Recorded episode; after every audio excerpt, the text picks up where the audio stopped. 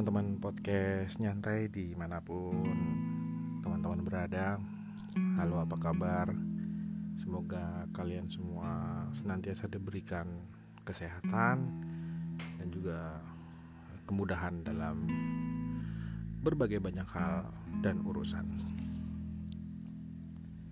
Uh, Mungkin kita mulai dari 2022 ya tepat uh, ketika gue coba uh, ngetek podcast ini itu benar-benar di 0005 ya tahun 2022 bulan Januari tanggal 1 tepat banget memang ini uh, tahun baru masehi ya tepatnya. Dan ya seperti biasa kalau tahun baru itu sekitar dua atau tiga tahun belakangan ini nggak ke mana-mana karena memang lagi pandemi lagi masih suasana pandemi ya covid. Dan tentu uh, sulit untuk uh, bikin sesuatu yang sifatnya memang ngumpul-ngumpul uh, dengan banyak orang gitu. Hmm, 2022 sih harapan banyak orang termasuk gue tentu adalah segala bentuk uh, kebaikan dan keberuntungan itu berpihak pada diri kita termasuk gue juga ya. Mungkin gue mau coba bikin voice recap ya yang gue bikin di podcast ini karena memang uh, udah mau dua tahun kayaknya. Iya udah mau dua tahun itu gue nggak ada konten sama sekali di podcast nyantai karena memang bukan mager sih lebih ke belum dapet feelnya aja gitu belum dapet hmm, perasaan yang enak gitu buat uh, dibikin podcast lagi dan juga karena faktor belum dapat teman yang oke okay, bisa diajak uh, join ya bisa diajak ngobrol bareng. Ya, seperti yang uh, kalian dengar, suasananya masih suasana ini kembang api. Jadi seperti anda dengar sendiri, ini uh, sebenarnya bukan officially kayak pemerintah yang bikin ya, tapi kayak uh, orang yang iseng aja gitu beli kembang api kemudian dinyalain terdengar juga beberapa suara-suara uh, anak-anak muda yang mungkin lagi nongkrong kali ya jam-jam segini biasalah. Masih senang berkelana. Balik lagi tadi ke uh, voice recap ya selama 2021 sebelumnya mungkin perlu gue uh, notice bahwa ini gue rekam sendirian. Nggak ada yang gue wawancarai nggak ada yang gue tanya-tanya. Jadi ya gue pengen ngomong sendiri aja lah. Uh, anggap aja ini uh, konversi cerita yang biasa ditulis di blog. Kemudian ini kita konversi ke voice ke suara dan dimasukin deh ke podcast nyantai. 2021 awal um, persis di tanggal-tanggal segini gue juga ada di Trenggalek. Sekarang gue lagi di Trenggalek. Dan 2021 awal setahun yang lalu di tanggal-tanggal segini menjelang pergantian tahun itu gue di Trenggalek. Habis dari Trenggalek gue balik ke Jakarta kembali bekerja seperti biasa rutinitas dan um, Januari itu yang gue inget adalah waktu-waktu di mana mulai ada perpindahan dari kantor lama gue di Gunung Sari Jakarta Pusat kemudian pindah ke Cengkareng di daerah Tangerang ya. Antara Jakarta Barat dan Tangerang ya dekat dengan bandara. Aku ingat betul proses pindahan itu lumayan brutal menurut gue karena kita pindah sendiri nggak ada yang bantuinnya nah, seperti yang mungkin teman-teman sebagian teman-teman tahu dan ngerti bahwa Garuda Indonesia perusahaan di mana gue kerja kemarin itu dalam kondisi keuangan yang sangat-sangat tidak tidak dalam kondisi baik. Jadi kondisinya lumayan mengkhawatirkan. Sampai-sampai hal tersebut berdampak ya uh, kepengaruh banget gitu di sisi operasional termasuk waktu pindah kantor itu bukan bukan dalam rangka peningkatan ya. Tapi memang kita perlu penyesuaian dari aspek atau dari segi operasional supaya lebih efisien tentu ya lebih ngereduce cost lebih ngereduce budget buat perusahaan untuk tetap bisa um, berjalan secara operasional ya secara ya segala macam lah. Artinya um, orang bilang kalau pindah itu lebih baik ini enggak. Ya, pindah itu karena memang semata-mata faktor penyesuaian efisiensi simplifikasi um, operasional supaya lebih efektif dan efisien uh, lepas dari itu 2021 gue nggak punya banyak cerita yang bisa gue inget ya tapi tentu yang paling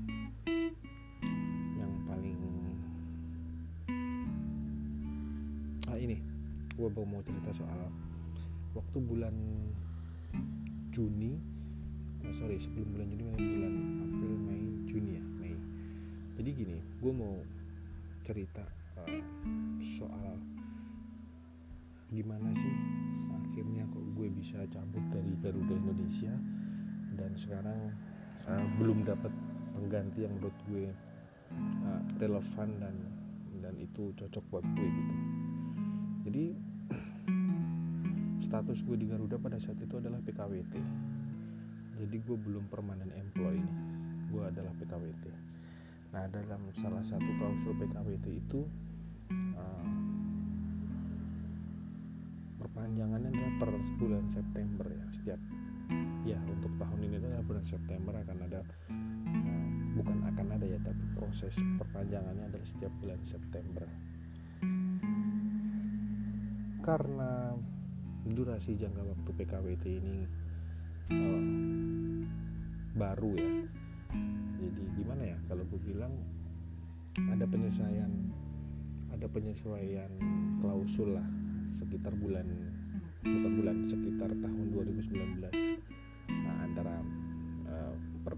Agustus September Oktober segala macam. Jadi uh, pada tahun 2021 bulan sebenarnya dari awal tahun itu udah ada warning ya bahwa potensi akan ada penyesuaian jumlah karyawan itu masih masih akan terjadi gitu. Dan kekhawatiran gue sebenarnya udah udah ada sejak ketika awal pandemi bulan Maret 2020 tuh gue udah punya perasaan soal ini tapi menurut gue uh, poinnya adalah uh, masalah waktu aja gitu masalah kapan aja itu bisa terjadi. Dan itu benar terjadi di bulan hmm, Mei antara ya April Mei itu uh, ada briefing dari ya bisa dibilang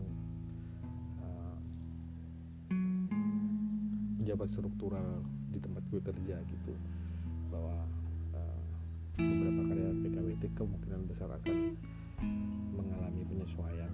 Artinya akan ada yang di uh, layoff akan ada yang dikurangi uh, tapi tentu memperhatikan aspek-aspek dari sisi legal aku singkatnya adalah gini bulan Mei ada penawaran. Uh, lo mau resign tapi akan kita kasih kompensasi atau lo mau lanjut tapi uh, no gaji no no salary. Jadi tidak ada penghasilan sama sekali sampai dengan uh, akhir klausul PKWT-nya sedangkan pada saat itu masih bulan Mei ya Mei Juni Juli Agustus September ya jadi selama kurang lebih 4 3 sampai 4 bulan itu kita akan di status sebagai unpaid unpaid leave. Nah, singkatnya rata-rata hampir kebanyakan dari teman-teman yang masuk ke radar dari uh, penyesuaian jumlah karyawan itu uh, ngambilnya resign. Jadi bisa dibilang ya gue simpulin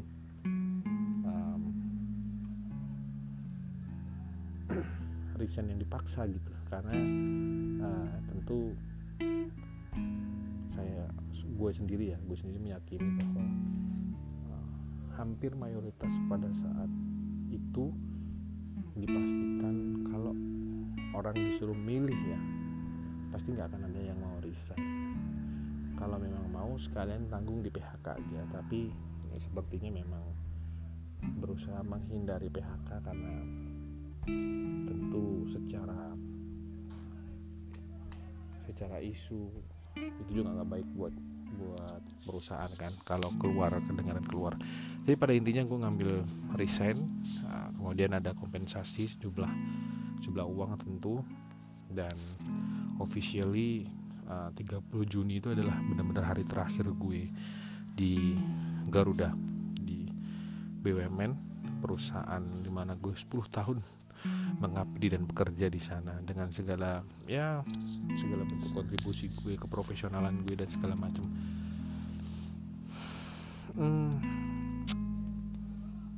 gimana ya?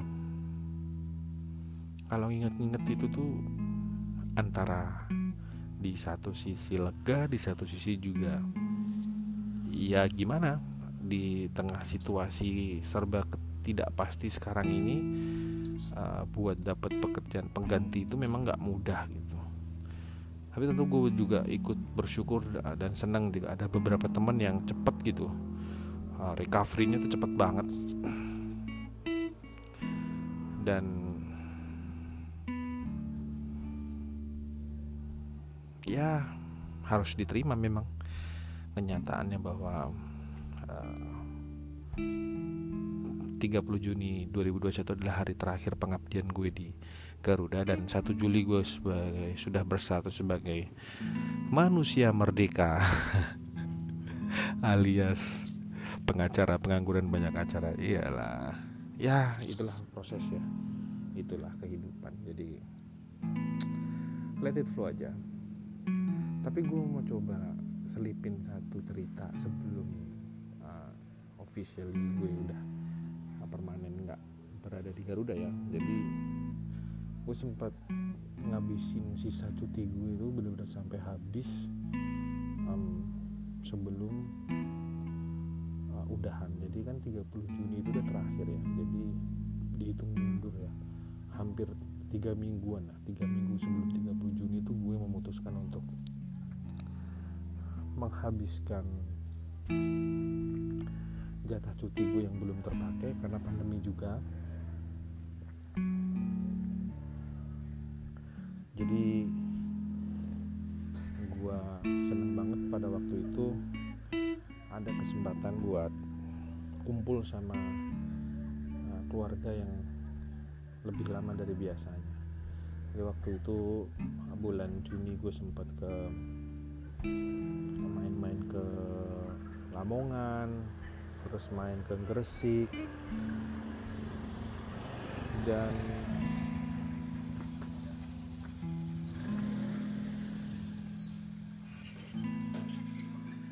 iya dan bentar ada iklan sebentar. Biasa bocil jadi ya gitu. Jadi waktu bulan Juni itu gue sempet jalan-jalan ke Lamongan ke Masjid Namira. Kemudian gue ke Gresik. Jadi ternyata di Gresik tuh ada makanan enak. Makanan sebenarnya umum ya di mana pun ada. Tapi ini beda. Di Gresik itu ada namanya sate lulur. Nah sate lulur itu uh, isinya itu daging kambing uh, bagian punggung. Jadi bener-bener pure literally daging gitu. Jadi nggak ada campuran tulang nggak ada uh, apa ya istilahnya tuh nggak pernah ada gitu. Kalau daging lulur punggungnya kambing itu dibuat sate gue nggak tahu kalau kalau di luaran itu bagian lulur itu dibuat apa ya. Mungkin tadi ekspor atau dibuat bahan olahan apa gue nggak tahu. Tapi itu enak banget. Itu cuma ada di Gresik Jawa Timur. Jauh jauhnya tuh memang jauh lebih jauh dari dari wilayah dari wilayah kota gitu. Dari Gresik juga sempat main ke Batu Malang. Gue ketemu saudara gue yang udah lama banget nggak ketemu. Di sana apa istilahnya? Ya mainlah berkunjung. Terus nyobain bakso presiden yang di pinggir rel kereta yang rasanya menurut gue. B aja. Kayak yang ya kuah kaldu dikasihin pentol bakso udah gitu aja. Nothing special dan menurut gue buat gue itu not recommend. Jadi buat kalian yang dengerin podcast ini gue nggak menyarankan untuk nyobain bakso presiden yang ada di Malang. Tapi kalau penasaran silahkan. Rasanya B aja selain itu gue juga main ke Batu Night Spektakuler itu pertama kali gue ke uh, ke, bat, ke Batu tapi dalam rangka main di kayak di tempark gitu kan. Gimana sih kayak Dufannya batu lah tapi ini kecil tempatnya lebih kecil tentu. Seru karena sama adik-adik gue sama papa sama mama sama keluarga besar lah sana rombongan segala macam terus juga gue berkunjung siarah ke makamnya nenek makam kakek yang di Surabaya. Terus juga main ke rumah uh, almarhum kakek karena ke almarhum nenek gue yang di Surabaya. Tempat di mana gue dulu masa kecil gue juga sering ada di sana. Sampai remaja pun sampai sekolah. SMA pun gue juga masih main ke sana. Ya seru aja sih gitu karena bisa uh, jalan bareng sama keluarga dalam waktu yang relatif lama. Nah kan habis selesai itu gue balik ke Jakarta karena uh, di tanggal berapa ya gue lupa itu rencananya mau ada semacam seremonial farewell ya. Dengan kantor lama gue. Ya seperti biasalah makan-makan bagi-bagi merchandise lah istilahnya kenang-kenangan tali kasih. Tapi ternyata uh, saat itu bulan akhir Juni itu covid ya pandemi itu lagi mulai bukan mulai lagi second wave. Jadi gelombang kedua itu kalau nggak salah ya. Gue nggak tahu gelombang kedua atau gelombang ketiga itu lagi parah-parahnya di Jakarta. Khususnya di Jakarta ya. Sepertinya daerah lain mungkin iya tapi waktu itu memang kan isunya memang Jakarta udah parah banget. Jadi akhirnya acara seremonialnya dibatalkan uh, diganti dengan virtual seremoni jadi via zoom. Kemudian untuk pengambilan cendera matanya itu dilakukan secara drive thru di kantor. Singkat kata ya perpisahan yang karena dipaksa oleh perusahaan jadi ya tentu haru lah terutama di teman-teman gue yang satu satu divisi satu departemen itu ya sedih-sedihan bareng tapi lihat lewat zoom gitu lewat virtual. Dan ini makin bikin sedih karena uh, perpisahannya dengan cara yang seperti itu. Tapi ya udahlah itu udah berlalu dan gue juga udah meskipun mungkin sekarang sesekali kadang suka masih nginget-nginget gitu kan. Tapi ya udahlah itu udah lewat udah berlalu dan inilah cerita gue uh, yang akhirnya kebobolan kena covid hmm. kalau gue ceritain apa ya kalau bukan kalau gue ceritain kalau gue inget ceritain itu kayak bersyukur gitu bahwa saat itu uh, rasio kematian akibat covid itu lagi tinggi tingginya ya. Um, berita yang nyampe ke gue ke kalian juga mungkin yang ya sebelumnya itu dengar orang meninggal karena covid itu paling orang kampung sebelah gitu kan atau orang entah temannya siapa temannya siapa atau saudaranya siapa. Dan ini berita-berita itu masuk datang dat ya datang dari orang-orang yang yang memang dekat sama lo gitu. Yang berada di circle terdekat lo gitu. Yang artinya gitu bahwa itu bisa juga terjadi pada diri lo sendiri. Dan itu gue alami gitu. Setelah gue mendengar kabar covid ya teman gue atau beberapa kerabat tetangga teman kantor segala macam dan akhirnya itu tiba di diri gue sendiri yang gue ngalami gitu. ya singkatnya setelah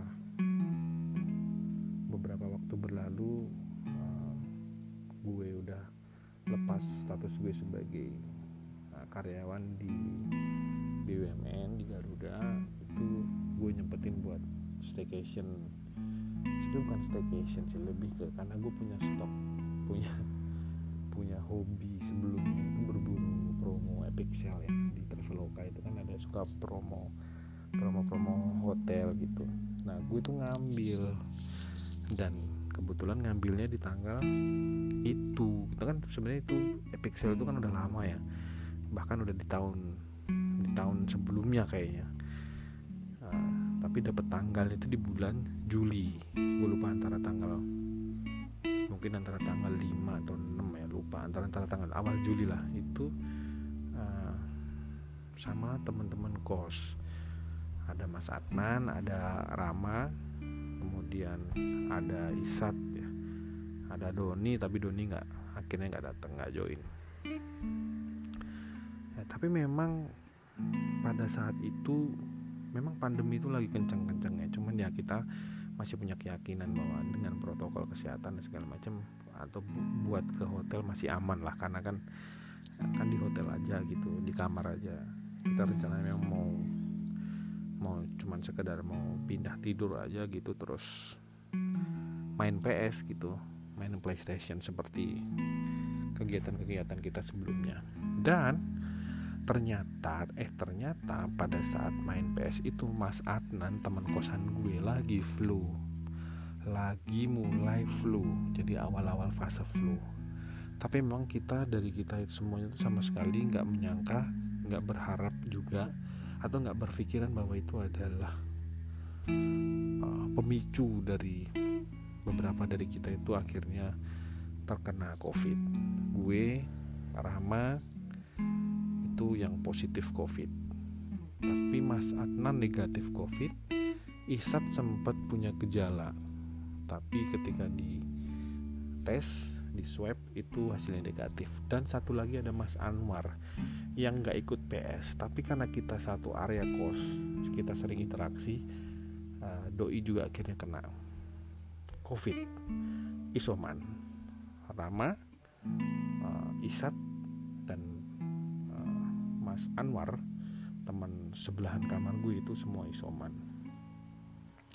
Dan gue akhirnya gue harus uh, merelakan untuk tidak isoman karena rekomendasi dari dokter di puskesmas uh, kecamatan Setiabudi itu mewajibkan gue untuk harus dirawat inap harus dibawa ke IGD jadi sebenarnya gue sempat tulis cerita ini di blog gue di okiardianto.wordpress.com cuman masih baru part 1 gue belum nyelesain tulisan gue yang part berikutnya cuman gue kasih highlightnya sekarang aja. Jadi uh, singkatnya itu gue sempet uh, 4 atau 5 hari isoman ya.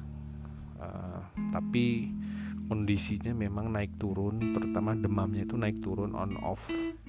Jadi di rentang waktu tertentu itu gue mengalami demam di rentang waktu tertentu itu demamnya hilang.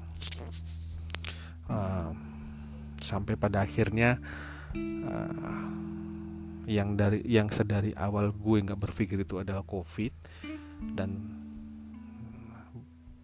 kebetulan uh, adik ipar gue uh, Akna uh, bininya Gama Gama itu adalah adik sepupu gue yang di Duren Sawit.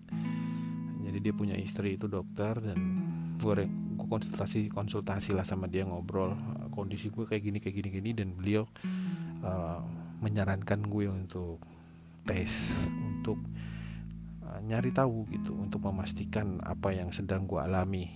Karena bisa dua kondisi. Yang pertama itu adalah tipes yang kedua covid.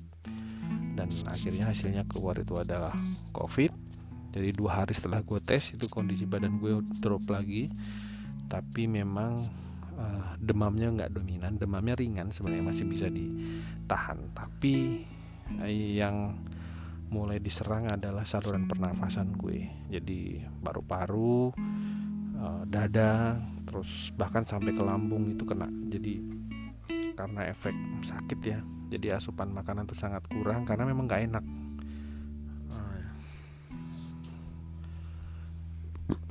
makan apa aja tuh nggak enak. Dan ya bisa dikatakan gue kena juga tuh kerangan asam lambung. Jadi sakit mual segala macem. Terus pernapasan sesak dicek di puskesmas Budi itu tentu diawali dengan drama ya cari ambulan susah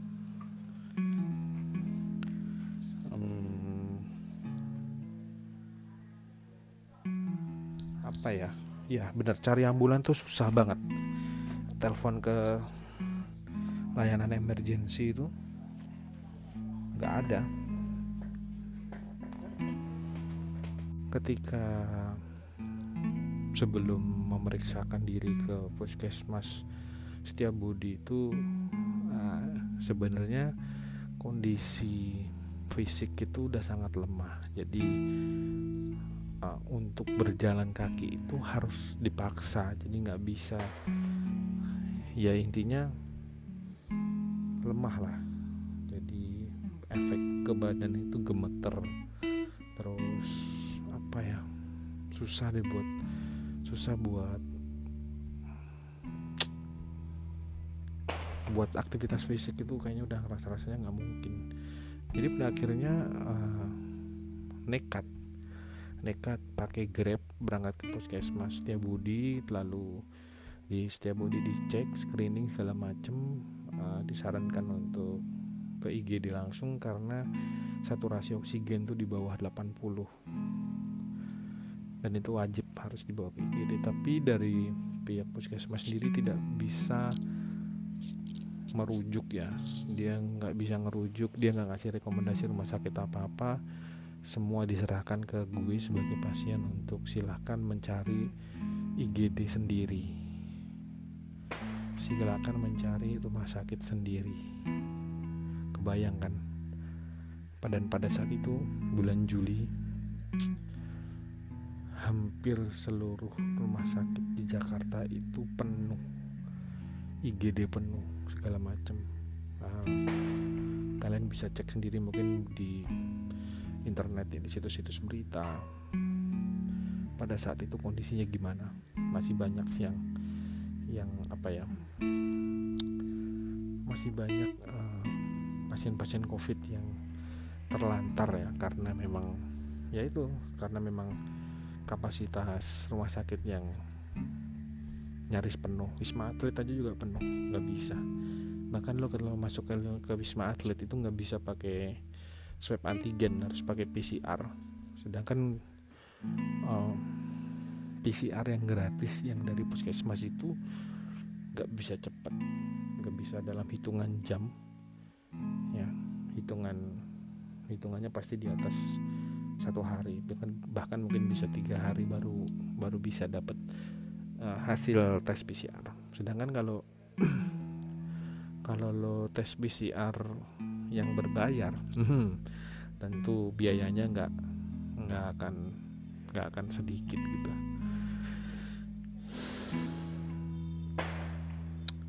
Uh, rumah sakit rujukan pertama gue adalah rumah sakit PGI Cikini dan di sana ditolak karena penuh. Yang kedua ke rumah sakit Minto Harjo. Uh, rumah sakit angkatan laut Minto Harjo di Bendungan Hilir Ben Hill atas rekomendasi dari Isat teman gue ternyata uh, Minto Harjo hanya melayani anggota militer ya. Jadi untuk sipil mereka terpaksa tidak bisa melayani dulu karena memang kapasitasnya juga sangat-sangat tidak memungkinkan untuk menampung warga sipil. Dan yang pilihan ketiga itu adalah rumah sakit Pelni dan kodarullah alhamdulillah uh, rumah sakit Pelni adalah jawaban dari kekhawatiran gue keresahan gue. Uh, atas kondisi uh, badan gue pada waktu itu yang memang harus ditangani oleh uh, orang-orang uh, yang tepat, ini orang rumah sakit, dokter, perawat dan sebagainya.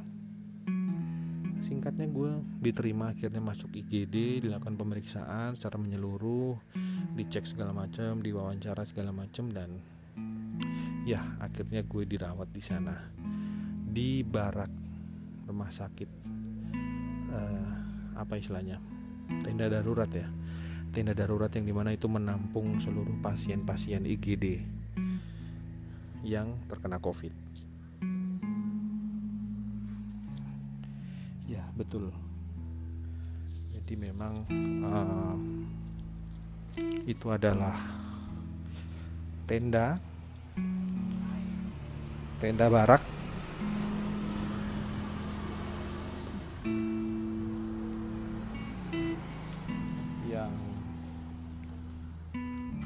Tidurnya adalah tempat tidur seperti tempat tidur pramuka gitu. Kalau diingat-ingat memang sedih sih bro. Memang itu dan itu apa ya menyeramkan menurut gue. Karena ya tahu sendirilah uh, situasi IGD kalau nggak covid aja udah serem ya apalagi ini kondisi covid itu dan singkatnya ya gue dirawat di IGD itu selama tiga hari. Tiga hari di IGD kemudian uh, karena kondisinya semakin membaik ya akhirnya di hari keempat dan hari kelima selama dua hari itu gue dipindah ke Selasar rumah sakit. Selasar itu apa ya? Kayak bisa dibilang mungkin lobby ya. Jadi kayak ya lobi rumah sakit. Jadi karena karena kapasitas kamarnya belum belum memungkinkan jadi pasien-pasien yang habis uh, lulus dari IGD dan dianggap speed recovery-nya bagus itu dipindah ke Selasar jadi statusnya udah sebagai rawat inap. Nah karena di Selasar itu nyamuk banyak bener terus nggak nyaman buat gue ini gue coba request terus ke perawatnya ke dokternya bisa nggak gue dipindah ke kamar rawat inap yang lebih proper buat gue uh, istirahat gitu supaya juga uh, terus memicu kesembuhan gue gitu biar cepet akhirnya dikabulin dikasih lah gue dapat kamar. Uh, satu kamar itu gede banget. Uh, luasnya gede banget. Tuh bisa muat sampai bisa muat sampai empat orang. Jadi itu pun juga masih luas hitungannya. Karena ada ada sofanya ada TV-nya kemudian AC kemudian ada toiletnya juga sharing ya toilet sharing.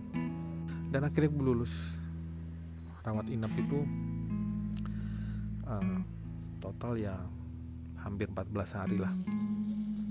Nggak sampai malah justru.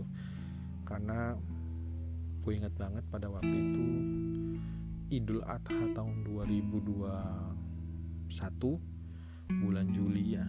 Bulan Juli itu gue masih di rumah sakit dan nggak tahu kenapa badan tuh kayak cepet banget ngerasa gue ngerasa enakan tuh lebih cepet dan itu gue sampein gitu ke perawatnya ke dokternya. Bisa nggak uh, jadwal kepulangan gue itu di dipercepat gitu supaya ya intinya supaya bisa cepat pulang aja.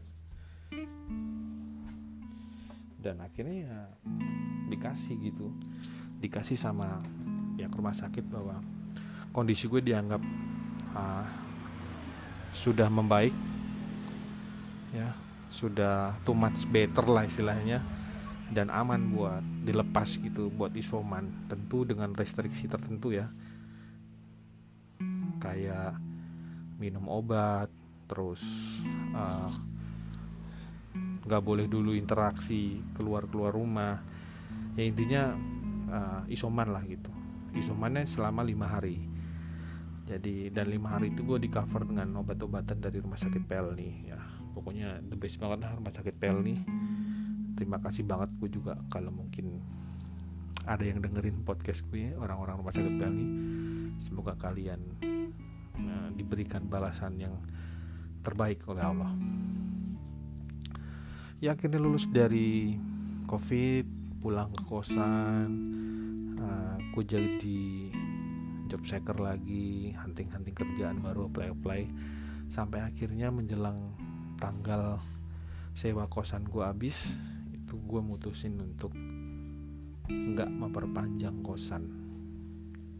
Kemudian uh, karena uh, kosan yang nggak diperpanjang itu gue putuskan cabut dari kosan dan cabut dari Jakarta pulang ke kampung halaman di Trenggalek Jawa Timur. Ya singkatnya sampai dengan hari ini gue di Trenggalek ya setelah setelah bulan apa ya? Ya gue ingat banget sih bulan Agustus tanggal 10 gue meninggalkan Jakarta uh, menuju ke Trenggalek. Ya, gue berharap dapat peruntungan baru dapat rezeki baru di Trenggalek atau setidaknya yang tidak terlalu jauh dari Trenggalek jadi mungkin ya uh, Surabaya mm, Malang Kediri atau ya maksimal Jogja lah. Dan gue sampai hari ini sejujurnya belum dapat nih belum dapat uh, satu apa ya satu peluang yang bisa gue ambil gitu. Meskipun sebenarnya dalam dalam diriku itu gue pengen banget uh, sebenarnya gue pengen banget dapat kerjaan itu di Malang Jawa Timur. Ya nggak nggak tahu kenapa ya pikiran gue ke sana gitu. Ya gue pikir itu yang bisa gue inget-inget ya. Selama 2021 selepas Agustus ke sini ya gue menghabiskan banyak waktu di rumah. Gue bantu-bantu orang tua bantu keluarga termasuk juga bantu usaha kakak gue yang kebetulan punya semacam usaha yang berbadan hukum ya yaitu CV ya, bergeraknya di bidang uh, eh, IT di komputer dan segala turunannya. Dan gue lebih banyak bantu-bantu sementara di sana. Bukan di sana maksudnya di sini di CV kakak gue. Sambil ya sambil terus uh, berharap ada rezeki yang datang buat gue untuk dapat kerjaan baru yang tentu lebih challenging ya lebih menantang dan juga lebih tentu gue berharap lebih baik dari yang pernah gue dapat sebelumnya tentu berharap cuma sama Allah aja. Kalau berharap ke manusia itu harus siap-siap kecewa. Jadi sekarang ya gue import posisinya masih masih di Trenggalek masih nyantai. Dan ya hiburan gue ya denger dengerin podcast. Kebetulan kalau ada orang nanya ya Ki lu kenapa sih bikin podcast? Terus apa yang apa yang ngebuat lo jadi pengen bikin apa jadi kayak uh, entusias banget gitu sama podcast. Ya yang pertama gue memang seneng ngobrol seneng ngomong uh, kemudian juga seneng nulis dan juga uh, gue terinspirasi sama podcast ngeluhnya Hilmi Alkayi sih. Jadi kayak gue nggak tahu dia siapa. Dia sepertinya mungkin selebgram ya. Bisa dibilang gitu kali ya selebgram atau seleb tweet gue nggak tahu tapi yang jelas podcast ngeluh itu adalah uh, pemicunya podcast nyantai. Karena memang konsep yang dibikin sama Hilmi di podcast Keluh itu yaitu yang gue tiru gitu. Itu yang gue ambil. Jadi nggak nggak nggak pakai konsep yang terlalu rumit gitu berbelit-belit. Kemudian dengan editing yang uh, gue belum punya kemampuan editing sesempurna itu. Jadi ya uh, kalau bisa dibilang ya podcast ngeluh itu uh, adalah kiblatnya podcast nyantai. Di samping memang ada podcast podcast lain yang gue juga suka gitu kayak podcastnya Pak Gita Wiryawan itu juga keren banget. Terus uh, podcast Mas sudah pasti ya itu juga keren banget. Tapi uh, tentu komedinya gue lebih senang lagi podcast seminggu. Itu keren banget sih maksudnya lucu banget lah gitu. Karena memang uh, podcasternya juga stand up komedian ya Bang Awe. Kemudian juga ada temennya Abah Pican. Jadi itu beberapa podcast podcast yang selama ini jadi apa sih jadi kayak langganan buat gue dengerin gitu. Dan satu lagi tentu uh, podcast yang lahir di lingkungan radio itu ada uh, Cokiber ya. Jadi Cokiber Show tuh podcastnya juga podcast Prambors itu juga gue suka banget sama gaya komedinya tektokannya gue juga suka. Jadi uh, ya nyantai aja didengerin itu enak gitu.